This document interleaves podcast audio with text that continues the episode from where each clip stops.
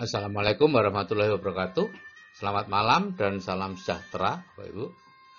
Uh, malam ini saya akan menyampaikan tentang hukum-hukum alam. Ya. Bapak Ibu, hukum-hukum alam itu seperti ini. Ya. Manusia yang cerdas setelah membangun perusahaan akan menciptakan aturan-aturan dan hukum-hukum yang kemudian dikenal sebagai sistem. Nah, kemudian perusahaan bisa berjalan autopilot dan dia bisa mengerjakan hal-hal lain. Hanya dalam kondisi darurat saja dia turun tangan. Nah, Tuhan itu maha cerdas. Jadi setelah menciptakan semesta, apa yang mungkin kemudian dia mengaturnya sendiri seperti dalam film-film Almighty Bruce atau Almighty Event ya. Atau dia akan menciptakan hukum-hukum alam untuk mengaturnya. Ya. Anda pasti tahu sendiri jawabannya.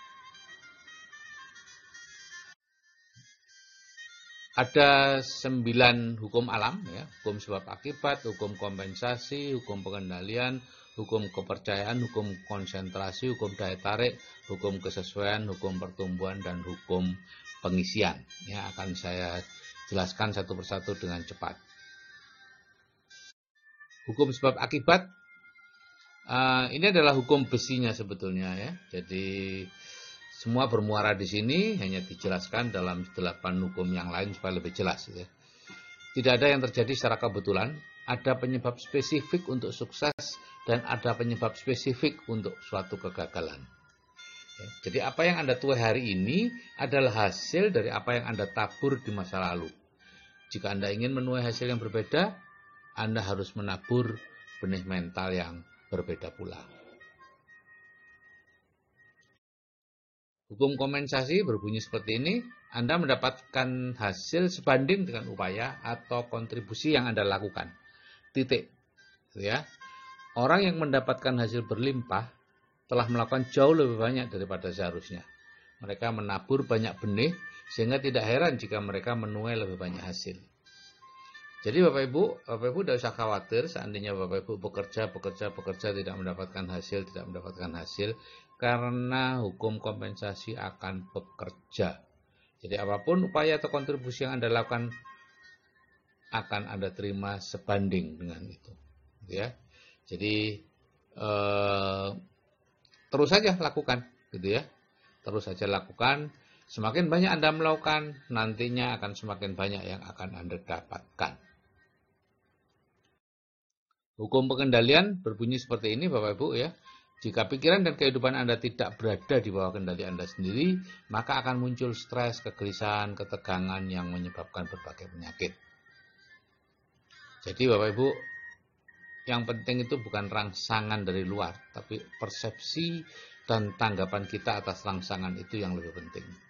Ya, seperti yang sering saya sampaikan, ibarat eh, ada kecoa yang hinggap di kepala seseorang maka bukan hinggapnya kecoa itulah yang penting, tapi bagaimana reaksi dia terhadap hinggapnya kecoa itu yang penting. Apakah dia lari kemudian membentur tembok dan celaka sendiri, lari membentur orang lain dan mencelakakan orang lain, atau dia kemudian menangkap si kecoa, membuangnya, atau mungkin malah memakannya. Hukum kepercayaan berbunyi seperti ini Bapak Ibu. Ya, apa pun yang Anda percaya dengan sungguh-sungguh dan melibatkan emosi akan menjadi kenyataan Anda. Ya. Misalnya jika Anda mutlak percaya bahwa Anda sukses besar dalam kehidupan, maka tidak peduli apa pun yang terjadi, Anda akan terus maju ke arah tujuan Anda. Sebaliknya, jika Anda percaya bahwa kesuksesan itu hanya sebuah kebetulan, maka Anda akan mudah patah semangat jika ada hambatan. Hukum konsentrasi, semakin Anda memikirkan sesuatu, semakin besar kapasitas dan energi mental yang Anda curahkan pada hal itu. Semakin kuat pikiran itu, semakin kuat pengaruhnya pada perilaku Anda, dan itu akan semakin mendekatkan pada kenyataan.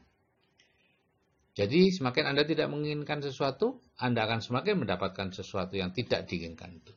Begitu juga sebaliknya, semakin menginginkan Anda juga akan mendapatkan.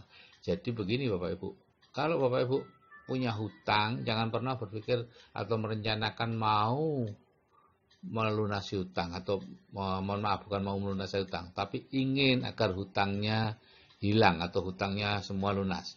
Ingin agar tidak memiliki hutang lagi. Kalau seperti itu Bapak akan Bapak Ibu akan memiliki lebih banyak hutang. Karena Bapak Ibu fokus kepada hutang. Pola pikirnya adalah fokus pada hutang. Jadi jangan fokus pada apa yang tidak Bapak Ibu inginkan. Fokus saja kepada apa yang Bapak Ibu inginkan. Apa yang Bapak Ibu inginkan? Kaya, makmur. Berarti itu bebas dari hutang. Gitu ya. Jadi konsentrasi pada hal sebaliknya dari apa yang tidak Anda inginkan. Hukum daya tarik berbunyi, Anda adalah magnet hidup yang menarik ke dalam hidup Anda orang-orang atau situasi yang serasi dengan pemikiran dominan Anda. Jadi di sini pikiran Anda menciptakan suatu medan energi yang bergetar pada kecepatan yang ditentukan oleh tingkat emosi yang menyertai pemikiran tersebut. Ini ada map of conscious dari David R. Hawkins ya. Level-level minimum level energinya 200 yaitu berani. Netralitas itu 250, kemauan 310. Jadi usahakan Bapak Ibu selalu berada dalam kondisi power, bukan force. Kalau misalnya sedang marah atau sedang merasa sombong atau ingin atau takut, segera mengalihkan kepada uh, level power, gitu ya.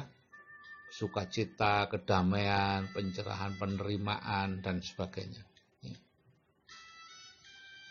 Segera ber, berpindah. Kalau merasa marah gitu segera aja Bapak Ibu nge-save atau Bapak Ibu memikirkan hal-hal yang menyenangkan gitu ya. Memikirkan hal-hal yang menyenangkan dan berusaha memahami ya. Itu berpikir itu energinya 400 nah, hukum kesesuaian mengatakan dunia di luar Anda merupakan cerminan dari dunia di dalam diri Anda. Sikap orang lain kepada Anda merupakan cerminan dari sikap Anda terhadap mereka. Dengan siapa Anda bergaul dan berteman menggambarkan siapa diri Anda sebenarnya. Burung yang warna bulunya sama akan berkumpul bersama-sama. Inilah Bapak Ibu yang menjelaskan kenapa plafon rezeki Anda itu sama dengan rata-rata rezeki enam orang yang paling mempengaruhi Anda. Ya, karena Anda dengan mereka itu berusaha untuk saling cocok. Ya, berusaha merupakan eh, menjadi cermin ya sehingga pada akhirnya Anda kalau terlalu tinggi Anda berusaha menurunkan rezeki Anda. Caranya sih gampang bagi bawah sadar Anda tinggal memanggil penipu, tinggal memanggil kalau Anda pelihara sapi ya memanggil penyakit, tinggal memanggil uh, pencuri dan lain-lain. Itu masalah mudah untuk bawah sadar Anda. Untuk menggagalkan Anda. Sama mudahnya dengan kalau Anda menggunakan bawah sadar Anda untuk menyukseskan Anda itu menggunakan mekanisme sukses otomatis. Pelajari itu. Hukum pertumbuhan berbunyi apa pun yang Anda tabur akan mengalami pertumbuhan seiring dengan waktu. Gitu ya. Jadi jangan berharap untuk langsung mendapatkan sesuatu kalau melakukan sesuatu, tapi bekerja, bekerja, bekerja, bekerja tanpa mendapatkan sesuatu nanti akan tumbuh. Jack Ma selama tiga tahun bekerja membangun Alibaba tidak mendapatkan uang. Bukan tidak mendapatkan untung loh Bapak Ibu, tapi tidak mendapatkan uang dari Alibaba. Sekarang Jack Ma dari Alibabanya luar biasa. Ya. Tapi kalau Anda mencari yang uang besar, yang seketika dapat, ya sudah selesai. Anda tidak akan ke mana-mana. Karena Anda tidak mengikuti hukum pertumbuhan. Ya. Jadi investasi bisnis jangka panjang akan memberi hasil yang jauh lebih besar dibandingkan pekerjaan yang langsung digaji dan apalagi kemudian dipakai saat itu juga selesai Anda hanya hidup untuk bekerja dan bekerja untuk hidup tidak apa-apa sih kalau Anda tidak tahu tapi kalau kemudian Anda tahu bahwa ada yang lain di luar itu yaitu hidup untuk mencapai tujuan kehidupan yang sebenarnya bebas finansial, bebas waktu, bisa membantu orang lain selesai dengan diri sendiri Hukum pengisian berbunyi apa pun yang nampak kosong, alam semesta akan mengisinya. Ya. Jadi kalau ingin menambah koleksi baju, kosongkan almari Anda supaya ada tempat untuk diisi baju baru. Jika ingin mendapat jodoh, kosongkan tempat tidur di samping Anda supaya jodoh tempat cepat datang. Jika ingin mobil, bangunlah garasi. Kalau Anda ingin punya putra, belilah tempat tidur anak. Lihat setiap hari, kekosongan itu akan diisi oleh alam, oleh semesta, oleh Tuhan, apa pun Anda menyebut. Oke Bapak Ibu, Anda percaya atau tidak percaya? Anda tahu atau tidak tahu? Sejak lahir sampai hari ini, Anda terus diatur oleh hukum-hukum alam yang diciptakan Tuhan untuk mengatur dunia seisinya. Jadi sebaiknya Anda mulai mempelajarinya dan kemudian berusaha untuk mengikutinya.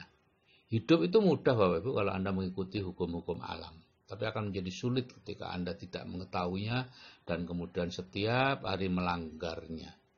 Ya.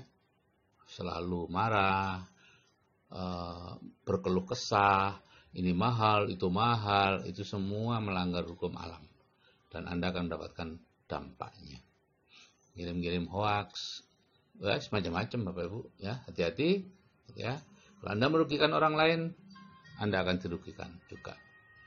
Anda menyebarkan hoax yang menyebabkan pedagang bakso tidak laku, ekonomi atau rezeki Anda akan langsung mungsret, gitu ya, seperti sulit.